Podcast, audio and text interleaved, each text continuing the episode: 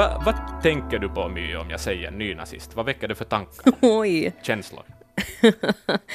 um, får jag vara fördomsfull? Ja. Jag tänker fördomsfullt att en nynazist är en person som um, hur psykologiskt ska jag gå nu? Jag tänker, sådär, jag tänker på en, en ung man som är vilsen och isolerad och kanske marginaliserad och som skyller sina orättvisor, samhällets orättvisor på en, en folkgrupp. Mm.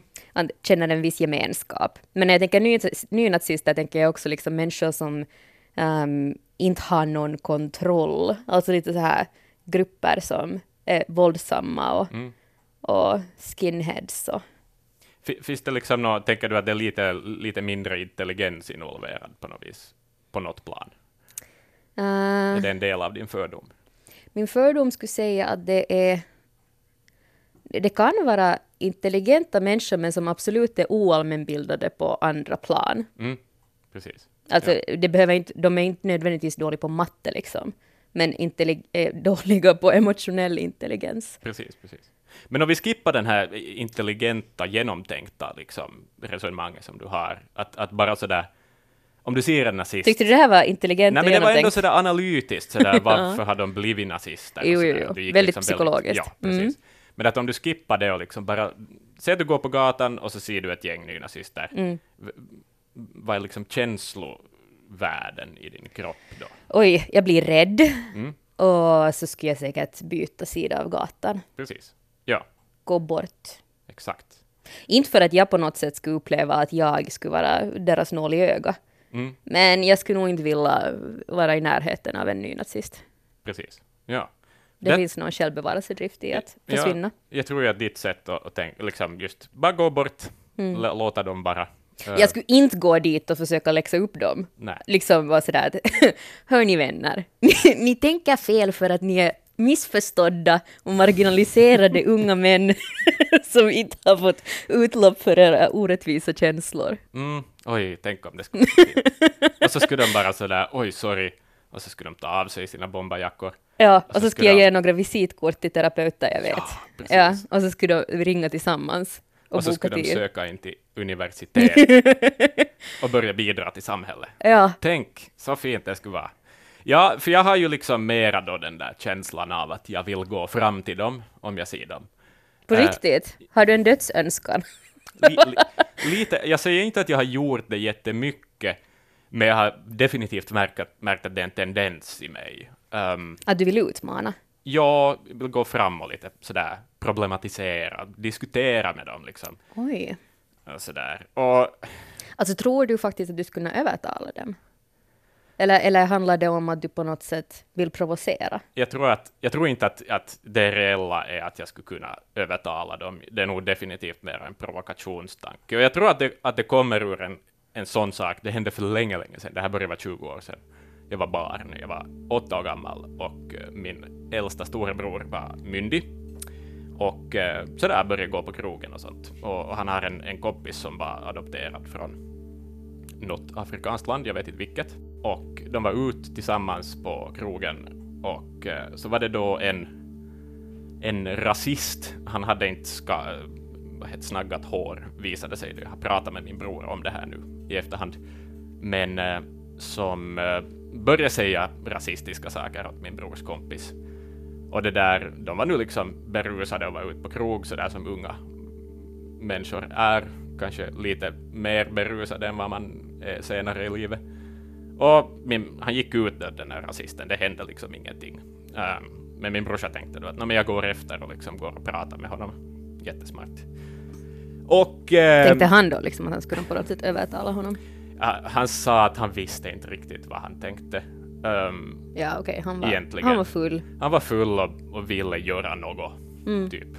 Men det slutade med att han eh, blev misshandlad eh, av de här, det var då av den här ena ensamma rasisten och han har ganska vaga minnesbilder av det. Han minns inte om det kom flera med eller inte. Men nåja, det blev en ganska paha misshandel och, och det där, eh, för han blev sparkad i huvudet liksom. Och han hamnade helt på sjukhuset och så. Jepp. Och det blev en rättegång och han liksom vann ju förstås rättegången och den här människan burrades in och allt sånt här. Men att, Men vad var dina minnen om du var åtta år gammal? Liksom, vad minns du av den situationen? inte mycket. Inte alls mycket. Jag minns... Vad skulle jag ens minnas? Jag minns inte knappt ens att han var på sjukhus. Jag minns lite där runt rättegången, någonting, att det hände. Men mina föräldrar höll nog mig ganska borta från det där på det viset.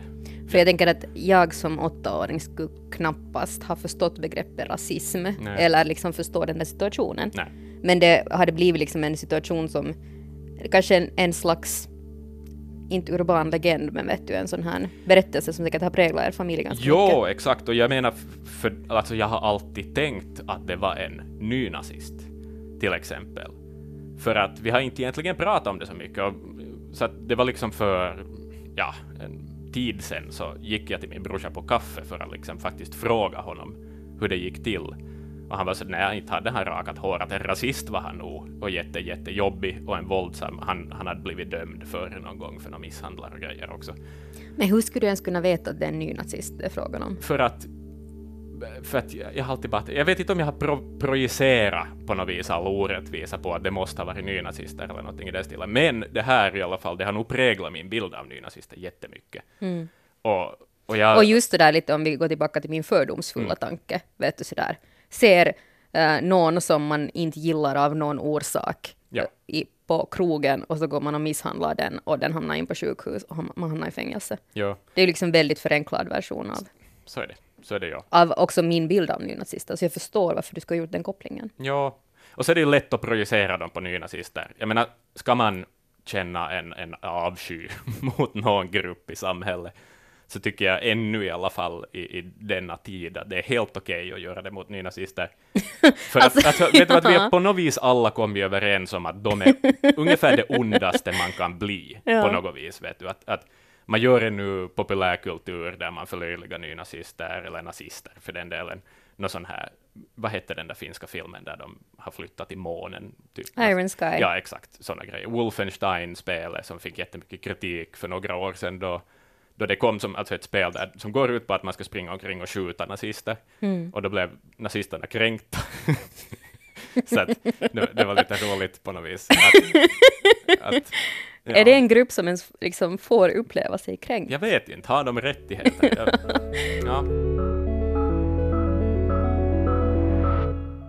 För att återgå till det där med att jag vill gå fram till dem. Att, att, jag, att jag just den känslan eh, tror jag kommer ur det här. Att jag på något vis vill skipa någon sorts rättvisa i och med att jag alltid har projicerat på något vis nå, den där min brorsas misshandel då. Och liksom att de är fienden och att, att jag har min chans. Att, no, ja, att nazister ska inte få vara nazister och det är min rätt att jag ska kunna eh, liksom få dem att sluta vara nazister. Oavsett, alltså, jag kan gå fram och provo- liksom provocera dem, börja snacka liksom en massa strunt. Men i mitt huvud, det jag helst skulle vilja göra, eh, är att bara gå och hacka de i facet. Det där är kanske den mest österbottniska meningen du har Ja, sagt men- i den här podden. Jag vill gå och hack di i face. Ja. Och jag är ju inte, jag, gick, jag var civiltjänstgörare. Jag, jag har alltid sett mig själv som en pacifist. Och liksom, jag är inte en våldsam människa. Eh, men jag har, i, i förstås, alla kan bli arga och sådär, det får man ju bli. Men att, i- men det här är liksom den enda, på riktigt, den enda liksom, där jag tänker att det skulle vara helt rätt och korrekt att göra det. Alltså ska jag slå någon, så ska jag slå en nazist. Så jag ska ta dig på en liten resa genom mitt hat. Nej, har du, vad har du gjort Axel? vad har du gjort? Om du tittar under bordet så har jag bundit fast en människa. Nej, jag skojar. Jag skojar. Nej, men jag ska, jag ska utforska det här lite. Jag vill utforska min tankevärld lite. Och jag ville, jag ville höra någon som liksom har ha utagerat mina våldsfantasier. Men jag har pratat med en skinhead. Och inte då alltså en nazi, utan en skinhead som... Eh, alltså en vänster skinhead. Um, sådär, vi kan komma mer in på, på bakgrunden med den rörelsen, men att, nåja, i korthet så, skinhead-rörelsen från början så var alltså inte en fascistisk rörelse, utan det var nästan motsatsen egentligen. Um, det var så här arbetarklass i, i England, typ på 60-talet, en sorts sån här solidaritetsrörelse för hela arbetsklass, arbetarklassen och, och man plockar mycket intryck från reggae och, och grejer. sådär. Jamaica, uh, vilket blev till ska, punk och sådär. Um, så att det, det, var en väldigt sådär mångkulturell rörelse från början. Och nå ja, det finns alltså ett fåtal sådana skinheads kvar ännu, och en av dem är Jakob Lavonius, som idag är 28 eh, år gammal. Han är uppvuxen på Åland, bor idag i Stockholm, men under några år där i början av 20-årsåldern, mellan han var 20 och 23, eh, flyttade han till Göteborg, och då var han vänster skinhead. Så han, han liksom snaggade sitt hår, hade Dr. Martens boots. Uh, han sa att det var väldigt tydligt med vilka skosnören man ska ha för att liksom indikera att man inte är nazist, utan du är liksom mot dem. Vi, ska låta Jakob Lavonius komma till tals lite här. Jag, jag ville förstås fråga det också, att, att hur skulle våld vara en bra taktik för att få bort nynazister? Att det känns lite ironiskt på något vis. Fast du sa att det var själv din första instinkt. Ja, men, du kanske, men jag menar ja. sådär intellektuellt, att på riktigt får man mm. bort nynazister genom att gå fram och slå dem. Att det, det låter som en Det här ville du veta före du far ut och hackade i. Precis. det är bra. Men han ser på det. Och jag tycker han har ganska, det är ett spännande svar. Vi kan lyssna på vad Jakob sa. Jag vill ju säga att det liksom hade, handlade om politisk analys, att jag tänkte att så här, på 90-talet, på 90-talet så funkar det verkligen att gå och slå dem i huvudet.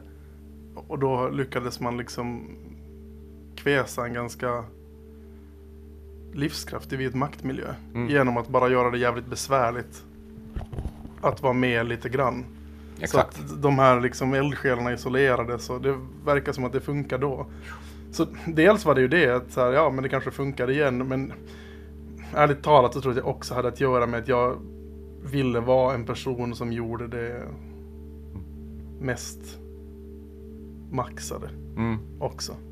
Så det var lite grann en vad kan man säga, 30 procent eh, skev självbild och 70 procent eh, pragmatisk politisk analys. Han får ju det att låta som att, att det går att, att få bort nazister genom att göra deras vardag knepig. Alltså om, om jag som Jaha. nazist går om... Det, det liksom det jag, tolkar det, jag tolkar det mera som att att um, du går och hackar dem i huvudet så att de inte kan göra någonting efteråt. Ah, ja, ja, ja. Alltså du i princip... Avväpnar ja. på något vis. Just det. Så att, så jo, på ett sätt. Men alltså jag, jag tycker det här låter som macho. Mm. Det är det. Alltså, det är jättemacho. Jag menar att hur ska vi lösa ett problem, men vi går och hackar dem. Mm. Alltså det är så främmande för mig. Jag har aldrig tänkt en enda konfliktlösning på det sättet. Nej. Antagligen för att jag inte ens har den Eh, fysiska potentialen att jag skulle kunna avväpna någon med. Det tvivlar jag nog på att jag skulle ha också.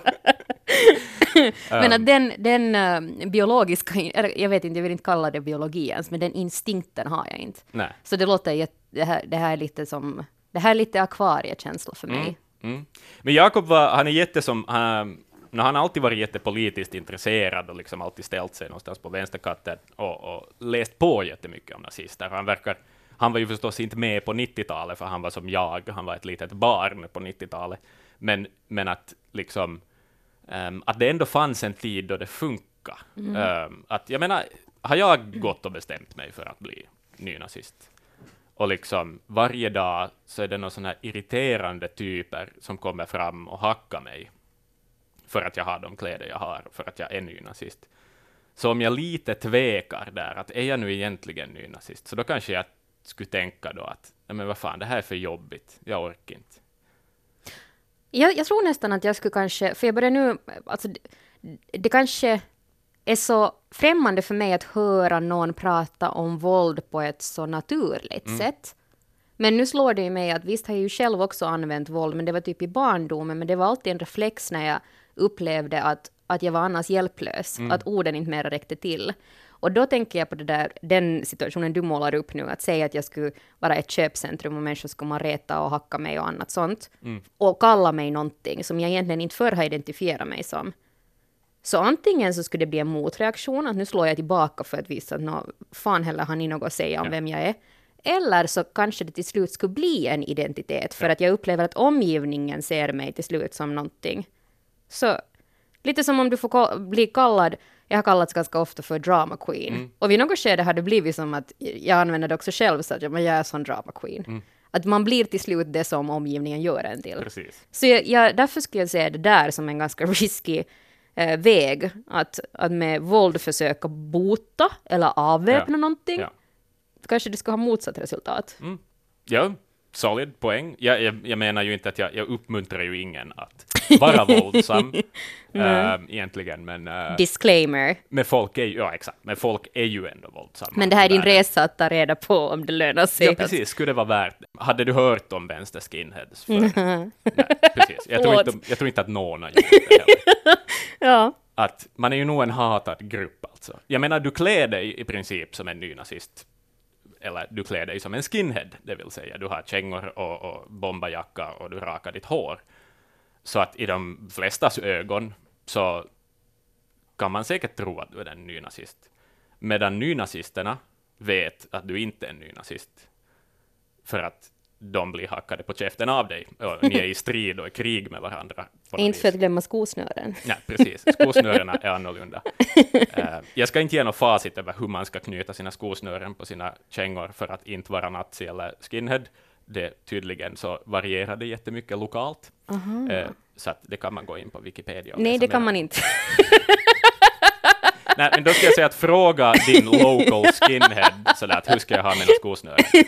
Men jag, jag funderar faktiskt, det är en så rolig detalj, så är det här på riktigt någonting de använder sig av på gatan, vet du? Det, det är nog en kod, ja. Att har du vita, som Jakob sa, att i, i den verklighet han var med de nynazister i hans område, så då hade nynassarna alltid vita skosnören. Så Äh. de ser på riktigt på varandras skor och så är Mm. det så att ska vi hacka den eller inte? Yes. Herregud, så sjukt. Ja. så sjukt. Ja. No, ja, men jag, jag ville ju veta liksom att har inte Jakob då gjort sitt liv lite onödigt invecklat? De du vill försvara, om du vill försvara invandrare, men de tror att du är en nynazist, Mm. och, och liksom samtidigt som nynazisterna vet att du, du blir hackad från båda hållen på något vis. Det känns jätte, jättejobbigt. Så jag frågar det här att jo, Jakob, gjorde inte ditt liv lite onödigt invecklat? Ja, det har jag ofta tänkt. Jag tror att det är en inte oansenlig del i varför jag gjorde det. Mm. Det, det är någonting i mig som, som vill göra det jävligt svårt. Eh, ganska ofta. Alltså det, Mm. så är det. Det är liksom, jag har någon sorts ehm, instinkt att eh, sticka ut Mm. röven på tvärs mot. Det är någonting med, med breda konsensus som gör mig lite spastiskt motvalls. Precis. Ja. En politisk hipsterism. ja, så kan man absolut säga. jag är emot. Vad, vad än har så är jag emot det. Ja. Men ja, liksom. Men hur, hur var det liksom med uniformen på liksom? Vad får man, fick du blickar, säg från invandrare eller någonting, liksom att förstå Ibland. folk? Ibland. Men, men jag hade ju också jävligt tydliga politiska markörer på Mm. mig. Så att jag tror inte att det var så lätt att missta mig för na- nazist. Nej. Men, eh, men ja, det är klart när man går in i så här, eh, någon butik och det står en rasifierad bakom disken så jag, jag vinnlade ju mig om att vara lite extra trevlig. Ja, ja, ja. ja. Så var det ju. Eh, bara för att så här, eh, det garanterar att det inte ska bli något missförstånd.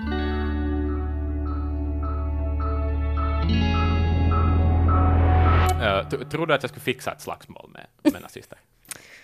Titta på min fysik. Ja. Har du vapen med dig? Eh, Eller är det bara nej, dina knogar du Jag ska ska nog säga knogarna. Jakob sa att han hade rockat knogjärn mest. Och det har du inte nu, Nej, inte, inte på mig. Nej. Jag måste kolla. Nej, jag under bordet där, med, med Seppo eller vem du nu har där.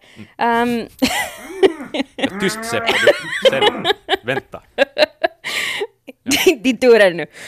Eh, det där, ja, vad ska jag säga om din fysik utan att nu krossa din liksom, Nej, självsäkerhet? Nej, nej, nej, nej, nej. Låt det komma bara. Ärligt. Nej, jag skulle kunna säga att sådär, om du har någon intellektuell plan Alltså att om du har tänkt ut det här på något, kanske du har byggt fällor eller, eller liksom lägga krokben, för jag menar, du har ju någonting av Lite det här. Sherlock Holmes. du, det har du, den looken har du också. Alltså du, du har liksom lite av den där hjärnan men kanske inte så jättemycket av musklerna. Okej. Alltså det beror ju på vem din motståndare är. Mm. Ja, Om nej. det är liksom nazi-Axel så, så kanske det ska vara 50-50. ja, då kan det funka. Ja. Nazi-Axel. Om jag skulle möta honom. Ja, Ja. Okej, ja. på Men, andra sidan månen. men ja, men just att, som, som jag berättade i början också, att jag har ju ändå den där fi, alltså som jag, jag vill gå fram och provocera, och gör jag det, även om jag kanske inte gör det för att jag skulle fixa ett slagsmål, men jag skulle antagligen provocera till en sån grad så att jag själv skulle få på käften och på det viset liksom.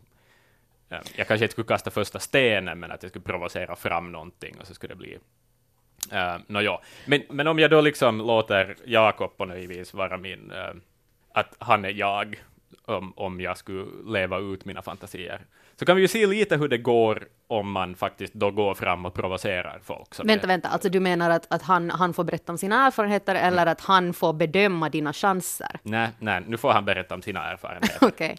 Så att jag, jag inbillar mig att jag är Jakob i den här situationen nu. Eh, för då får jag ett svar på vad händer då jag verkligen går fram och provocerar rasister. Eh, I det här fallet var det inte nynazister, uh, utan folk som betedde sig rasistiskt. Eh, det är egentligen hans första konfrontation med liksom, de han avskyr, då han var vänster skinhead. Det var min första kväll i Göteborg faktiskt. Vi gick till en studentpub. Jag hade fortfarande långt hår då för att jag hade lite, det var lite ett lagg Mm. I, i frisyren. Men, men eh, jag flytt, vi flyttade till Göteborg den dagen och på kvällen så tog en kompis som hade varit en del i Göteborg oss till en, liksom en student svart krog. Ett litet, en litet, litet rum som kallades för Rummet. Mm. Där det förekom radikal politisk musik och vänsterskinheads i stor mängd. Mm. Och det var sådär någon sorts bizarr slump att man skulle stöta på det där Mm. den dagen. Direkt liksom. Ehm, så det var ju det där liksom, vi lyssnade på ska och, och dansa och härja och hojla och allt vad man gör. Och sen gick vi till ett ställe som, jag vet inte, några av mina skinhead-kompisar tyckte om att gå till ett ställe som heter Rockbaren. Mhm. Som låg precis vid Avenyn. Ehm, och det var precis som det låter. Det var så här Jack Daniels font och liksom eh, Skid Row i högtalarna. Mm. Och ja, jag vet inte. Schack på toaletterna liksom. Mm. Men där så hamnar vi i... Jag börjar i min ungdomliga iver att diskutera. Det var någon så här eh, MC-gängskille som ropade någonting åt någon förbipasserande. Som Det jag... var rasistiskt. Någonting rasistiskt, jag kommer inte ihåg vad det var, men jag började liksom argumentera med honom. Mm. Ehm, och sen gick inte det så bra. Så jag gick, jag gick till andra sidan gatan och bommade en cigg av en kompis. Och då kom det liksom ut tio stycken från det här MC-gänget. Eh, och eh, vad heter det, identifierade min kompis som var väldigt lik mig Mm. som mig och typ Ah. flög på honom. Så att det blev som ett stort slagsmål där utanför. Eh, mellan oss och de här eh, extremt nazistoida motorcykeljapparna. Just det. Eh, det var första. Hur, hur gick det? Eh, det gick bra, det var ju liksom vakter ganska nära och sådär. Så det var ingen som... Det hände inget hemskt. Det var Nej. liksom lite något spräckt ögonbryn och lite näsblod och sådär. Det var... Mm. Vem av er åkte på mest rygg? Eh, det var säkert vi. Mm. Eh, vi, Det var kanske av ganska naturliga vi, vi, var, vi var ju akademiker. Ja. De var ju någon sorts proffs Ja. Så det, det var nog vi. Det låter ju inte jättelysande. Nej. Nej. Nej. Men vad sjukt. Ja, inte vet jag. Men att där, jag ser mig ändå så i den där situationen på den där baren. Ja. Att någon, för att på något vis har jag ändå lärt mig att man ska säga till om någon beter sig Mm. antingen sexistiskt eller rasistiskt. Så ska man säga, man ska påpeka det, för att det kan inte låta, det, det kan liksom inte gå obemärkt förbi. Mm. Men är det då en, en jävla MC-gängs typ? okej, visst, in, man ska, det ska inte egentligen vara någon skillnad. Är du, är du en rasist så är du en rasist och då ska du veta om att du är rasist, tänker jag. Men att min självbevarelsedrift tänker också lite att okej, den där snubben med den där ledarvästen, jag låter honom vara. Jag tror att, jag menar, jag är kanske mera uppfostrad, mm. också som ung kvinna på något vis, att veta när du ska säga. Ja. Att det lönar sig inte alltid Nej. att ta fighten. Men uh, samtidigt kan jag respektera det. Alltså det där um, som Jakob nu berättade om, så det, det lät i slutändan som en väldigt, liksom, verklighetstrogen händelse. Mm. Alltså jag tänkte mera kanske att, jag föreställde mig att han skulle berätta om någonting, att att men, de hade spanat på en nazist i veckor och så mm. visste de exakt vilken gränd hen brukar besöka ja. och så for de dit och hackade honom. Liksom något sånt. Mm. Men det här var ju så att han sa ifrån och de flög på dem, de försvarade sig och så kom vakterna och ingrep. Och som Jakob själv talade om sen, att, att han, han insåg sen att han kanske inte är en så bra skinhead. Han är ju inte skinhead längre. Uh, för att han, han, han, det slog honom att jag är inte bra på det att jag, mitt konsekvenstänk är lite för utvecklat för att jag på riktigt ska kunna gå i främsta ledet och, och liksom göra det här Alltså vad tiden. betyder det? Att han är för rädd för att få på käften av nazister, och han är för rädd för nazister för att han ska orka fortsätta gå omkring och vara paranoid hela tiden om ett nazigäng ser honom då han har sina kängor med sina skosnören på och, och liksom. Inte det att konsekvenstänkande, att vad har det för skillnad om jag hackar den här ena att det kommer inte att göra en skillnad. Nej. Utan mer en självbevarelsedrift. En, mer en självbevarelsedrift. Och, och det där. Han talar om att, att visst det för ny, liksom, nazismen idag har ett annat ansikte än vad det hade då. Det är inte lika mycket uniformerade. Alltså, nu finns det ju de här nordiska motståndsrörelserna och sådana kvar, men det är inte så mycket sådana tonårsnatsin och att mycket av den där fascismen har flyttat ut på internet och man talar om en alt-right-rörelse istället för en bara nynazister. Att den är liksom mer komplex, den kanske mm. är större, den är inte lika definierad och så vidare. Men, men för att komma liksom nu till, till på något vis klimax av det här då, att hur känns det att slå en nazist? Det ville jag ju fråga Jakob, i och med att han ändå har varit med i de här sammanhangen. Det är kanske är ett lite antiklimax-svar, men vi hör vad Jakob berättar. Hur känns det att slå en nazist alltså? Jag, jag har liksom typ aldrig gjort det. Okej. Okay. Jag har... Ja, de, de, de, här jävla de här jävla MC-killarna slogs jag med. Men det var ju bara liksom någon sorts panikartat ja. självförsvar. Men jag vet inte. Jag, oftast så stupar ju alla voluntaristiska och antifascistiska äventyrsprojekt brukar ju stupa på liksom ridande poliser. Alltså jag har ju varit i betydligt mer närkontakt med, med kravallpolisen med nazister. Um, kasta lite flaskor på dem har jag gjort. Mm. Det, känns, känns det? det? känns jävligt bra. Jag ska inte ljuga. Nej. Det känns jävligt bra. Så barnslig glädje i att förnedra någon man hatar. Ja, ja verkligen. Och det är ju det är ju lite läskigt att det känns, att det känns så bra. Men, men eh, det gör det. Tror du att det någonsin kommer komma tillbaka? Vilka då? Liksom på något vis lusten att, att vilja vara våldsam mot en nazist? Nej. Nej, det tror jag inte. Jag, jag har ägnat mig ganska mycket åt att distansera mig från en våldsideologi som liksom i grund och botten härstammar från att vara tonåring på en liten ort. Mm. Uh, och även om jag liksom, jag har inga, jag har absolut noll problem med att någon slår en nynazist på käften. Det, det är helt okej. Okay. Mm. Jag, jag, vill till och med uppmuntra det. Men jag har fan ingen lust att göra det längre. Alltså jag, jag är för rädd. Och jag är inte bra på det. Och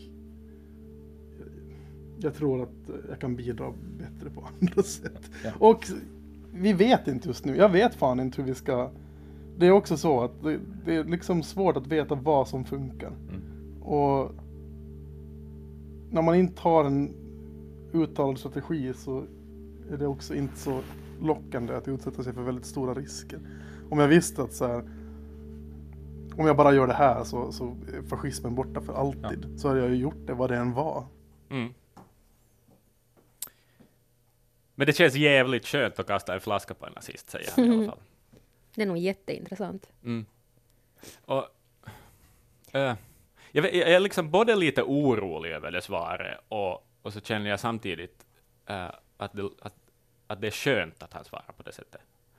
För att eh, på något vis berättigar det lite mina våldsfantasier. Att skulle jag ändå göra någonting så skulle det åtminstone kännas bra. Mm.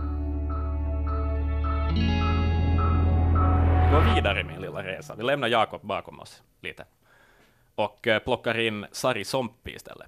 Hon eh, är utbildad kriminolog och eh, snart färdig psykolog också. Och hon jobbar alltså med dömda våldsbrottslingar i fängelse och gör en sorts kognitiv beteendeterapi med dem för att helt enkelt få dem att lära sig sitt våldsamma beteende.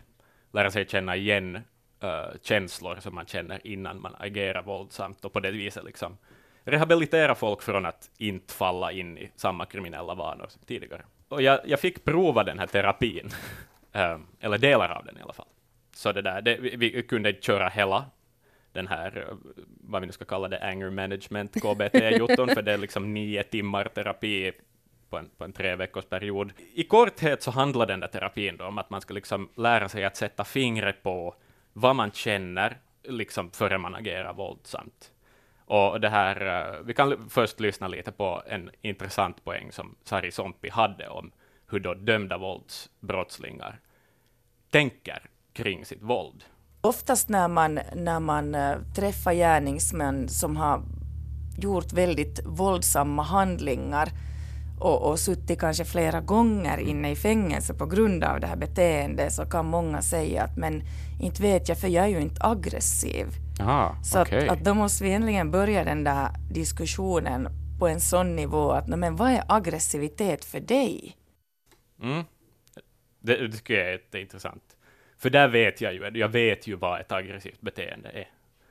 Och jag vet nog vad ilska är. Men vad är det för dig personligen? Uh, no, det, alltså lite det där att man, man agerar impulsartat, att, Ja. att det inte finns en tanke med, uh, att det liksom är någonting annat som tar över. Men ja, ehm, den här övningen då som jag fick göra med henne, så det, det handlar egentligen om att gå tillbaka till ett tillfälle då man har varit arg, och i mitt fall då tänka igenom, måla upp vad är konsekvenserna av om jag skulle ha agerat på den där ilskan. Men, men har du någon, um, någonting som har hänt i ditt liv där du skulle ha blivit liksom arg senast och, och där du skulle ha, ha liksom gått på den här ilskan och gjort då någonting? Det var nog... g- ja, ganska länge sedan, men det var, det var den tiden då Soldiers of Odin gick omkring på gatorna och, och skulle rädda Just alla det, från, från en massa det. hemska nya finländare. Och ehm, de, de, hade, de tog ett gruppfoto på, Mm. på ehm, den här, vad heter den, Frihetsstatyn i Vasa. Mm. Så det var liksom 30 stycken i, i sina uniformer. Och vi hade varit ute på krog och, och det där, förstås, man kanske man tänker lite annorlunda när man druckit lite och sådär. Mm. Men, men då hade jag liksom en, en impuls av att, att nu vill jag gå fram och ta en bild av dem så att jag kan visa åt folk vilka som är med här. Att de inte ska få dölja sig bakom någon sorts liksom, anonymitet eller någonting. Och Mm. att det var mera det att, att men jag ville egentligen gå fram och provocera. Att det, var, det, var, det var den instinkten jag Precis. fick, att, att nu ska jag gå fram och provocera. Mm. Men då var det andra eh, i mitt sällskap som, som fick mig att vända om och, och liksom sådär att hur har du tänkt att det här ska gå nu Mm. eh, Okej. på det viset. Men, men att, att kanske i ett annat sällskap skulle jag varit- med, med folk som skulle ha tänkt som mig, Mm. så skulle vi antagligen ha gått fram allihop. Eller, Mm. eller liksom, um, tänker jag. Eh, Alltså, bra exempel. Om, Okej. om vi, vi vad heter det, utgår ifrån att, att ni skulle ha gått Mm. liksom fram allihop. Vad tror du då att det skulle ha varit för... Vad säger du att det positiva skulle ha varit med det? Vad, vad skulle du ha fått ut för positivt ur, ur det där? ehm, Att gå fram dit och, och kanske då provocera till och med. ja, kanske bara en känsla av att jag gör någonting, att, Mm, att, mm, att jag på något vis motarbetar att de finns. ja. Um, och, och, och någon sorts sån här nästan barnslig känsla av att, att av någon sorts rättvisa. Mm, Um, mm, det skulle jag säga. Lite sådär, um, vad, vad vi nu ska, lite adrenalin och sådär på något vis. Mm. Att någon sorts rush av något slag. Mm. Men tankar skulle vara liksom sådär. rätt, rättvisa. Ja, rätt, rättvisa är nog liksom grund, grunden i allt det här på något Mm. vis. Att, någon sorts rättvisa. Mm. Ja, Mm. absolut. Nå, de negativa Ehm, konsekvenserna. eh, att jag... Uh, Säg se, se att jag skulle ha gått fram dit och börjat på något vis provocera, vara en smartass, försöka Mm, mm, äh, sätta mig... ehm, för jag ser det lite som att jag skulle sätta mig över, på något vis, inte vet jag, Mm. intelligens, men försöka liksom fördumma dem på något sätt, Mm. prata. ehm, ja, inte vet, försöka få dem att problematisera varför de finns och saker. Men jag menar antagligen så skulle de ju kunna bli våldsamma. Mm. Det är ju liksom en direkt konsekvens av, mm, av det. Och i en sån situation så, så skulle jag nog inte klara mig överhuvudtaget. Um, nej, mm. jag skulle nog bara bli misshandlad och må eländigt och, och det där. Ja, skada mig och ha jätteont och Mm. kanske till och med något värre. Vem vet? Mm. Nu sådär uttalat så låter det ju Mm. nog som att konsekvenserna inte kanske lever upp till, till det där positiva av det så Mm. att säga. Och det var det jag skulle fråga, att, att vad tror du om vi tänker från den sidan att, att eh, en kortsiktig konsekvens Mm. och en långsiktig Mm. konsekvens. Ja, no, kortsiktiga konsekvensen då i så fall, no, förstås, jag har jätteont och Mm. ligger och spottar blod på marken eller någonting. Um, Det Men- kan ju också vara en långsidig konsekvens. I och för sig, ja. Uh, men jag vet inte, den långsiktiga konsekvensen av en sån grej så kan väl vara lite... Den är väl inte heller så, så svartvit, he- tänker jag. Att, att visst, ehm, det, det, det kan ju bli ett trauma eller någonting. Det kan ju hända att jag Mm. Mm. ändrar mitt beteende eftersom jag har lärt mig hur det här kan gå. Mm. Men det kan ju också bli att jag ändå kan tänka att men jag gjorde ju ändå någonting. Precis. Alltså att mitt, på något Mm. vis, det här rättvisetanken ändå på något vis Mm. får lite mer kol i elden Ja. äh, också. Så Så du märker att dina tankar styr egentligen också en handling, eller skulle kunna styra en handling. ja, Att, att man kan urskilja att, att tankar och, och känslor är också ganska Mm. involverade i Ja. det här. ja, Så att du ser den här kognitiv beteendeterapi, tanke, känsla och sen kan det leda till ett beteende. precis, precis. Ja, Ja, men det är just den där rea- reaktionen och känslan och det är viktigt att gå att just, just titta för att oftast, oftast liksom när man beter sig aggressivt så, så blir det nästan de här negativa konsekvenserna är värre. ja, Att, att som du själv sa också att när man mäter upp så, så det där positiva var inte så kova att det skulle lönas att ta de negativa. nej, nej, nej, exakt. Mm. Ja, precis. Och det brukar den här övningen ganska bra sen också ta upp. Mm.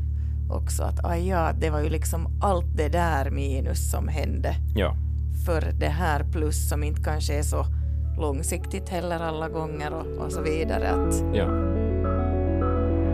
Här börjar jag då tänka liksom sådär. Att kanske det inte är värt det.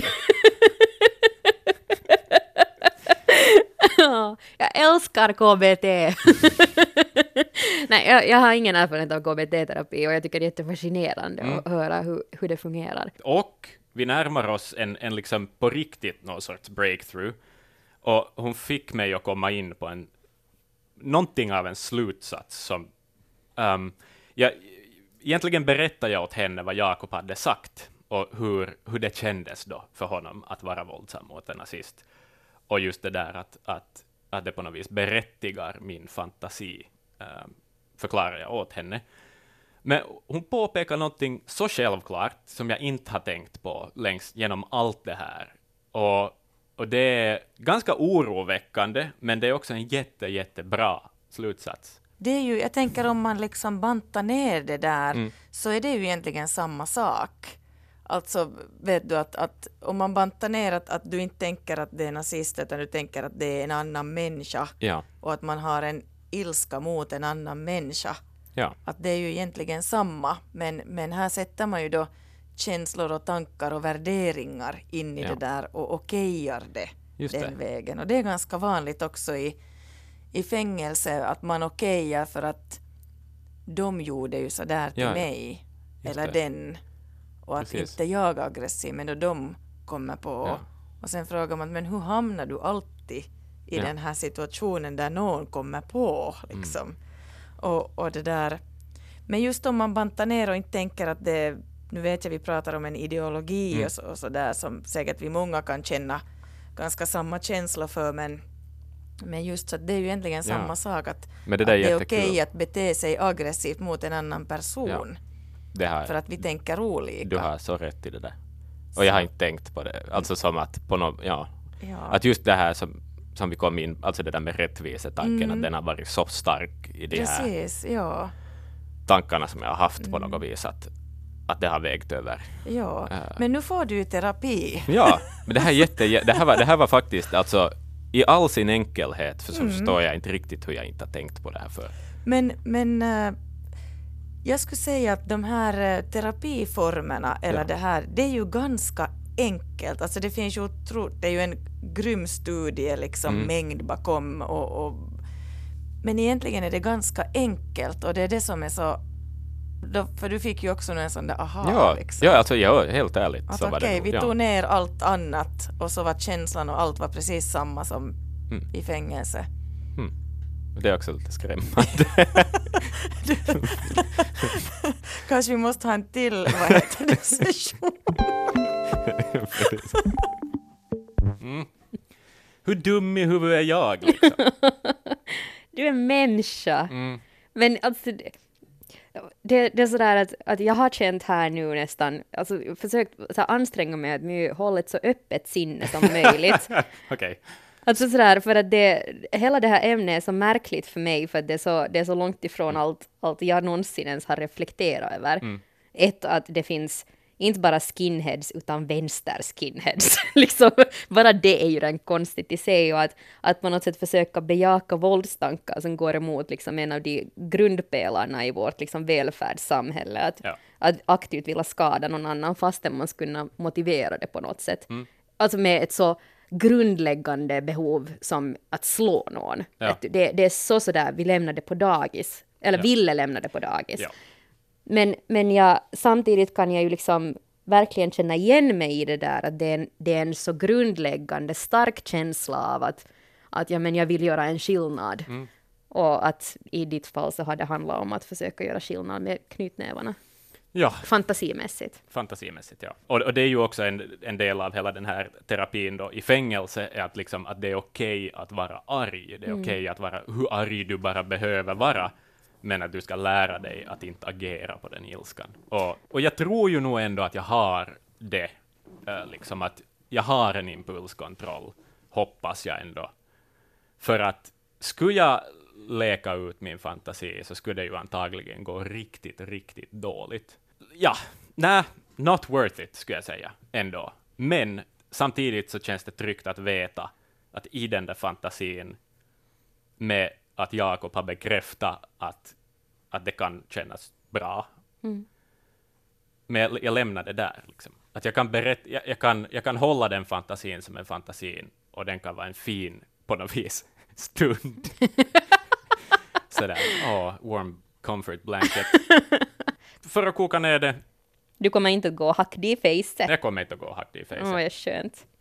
Jag Men jag kommer att fortsätta fantisera. Det låter inte alls bättre. Jag tycker det låter så bra. Nej, men det, jag, har, jag, har, jag har tillåtelse att tänka så. Mm. Det har jag. Ja, du får tänka precis vad du vill. Så länge dina tankar inte skadar andra. Sådär liksom fysiskt. Så bra jobbat Axel! Yeah, tack. Nu kan vi släppa ut Seppo. Kom, kom. Ja, du får gå. Du får gå. Tack, tack ändå för att du ställde upp. Det här är en Svenska Yle-podd.